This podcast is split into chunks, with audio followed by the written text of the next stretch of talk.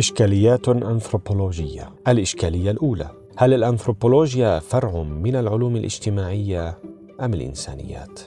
ينقسم المتخصصون إلى قسمين مؤمنون بعلميتها فيسعون جهدهم إلى تكميمها وقوننتها للتحكم اللاحق بالسلوكيات. ولهذا القسم أدلته وتجاربه.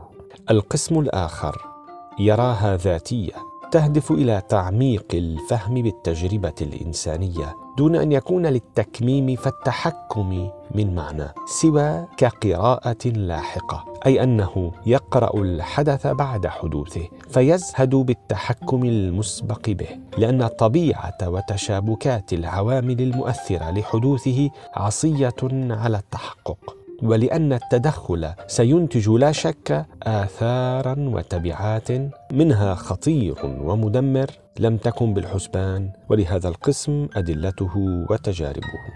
للتوضيح أولهما ليس خاطئا وثانيهما ليس مصيبا ولدى كل منهما إيجابيات وسلبيات وعلاقة الباحث بهما متعلقة بالطمانينه فما اطمأن إليه التزمه.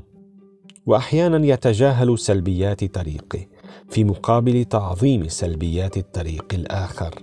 وقيمة هذا متعلقة بأخلاقيات الباحث البحث. فإن امتلك دربتها نجاح وإن لم يفعل حولها إلى بوق دعائي مأجور.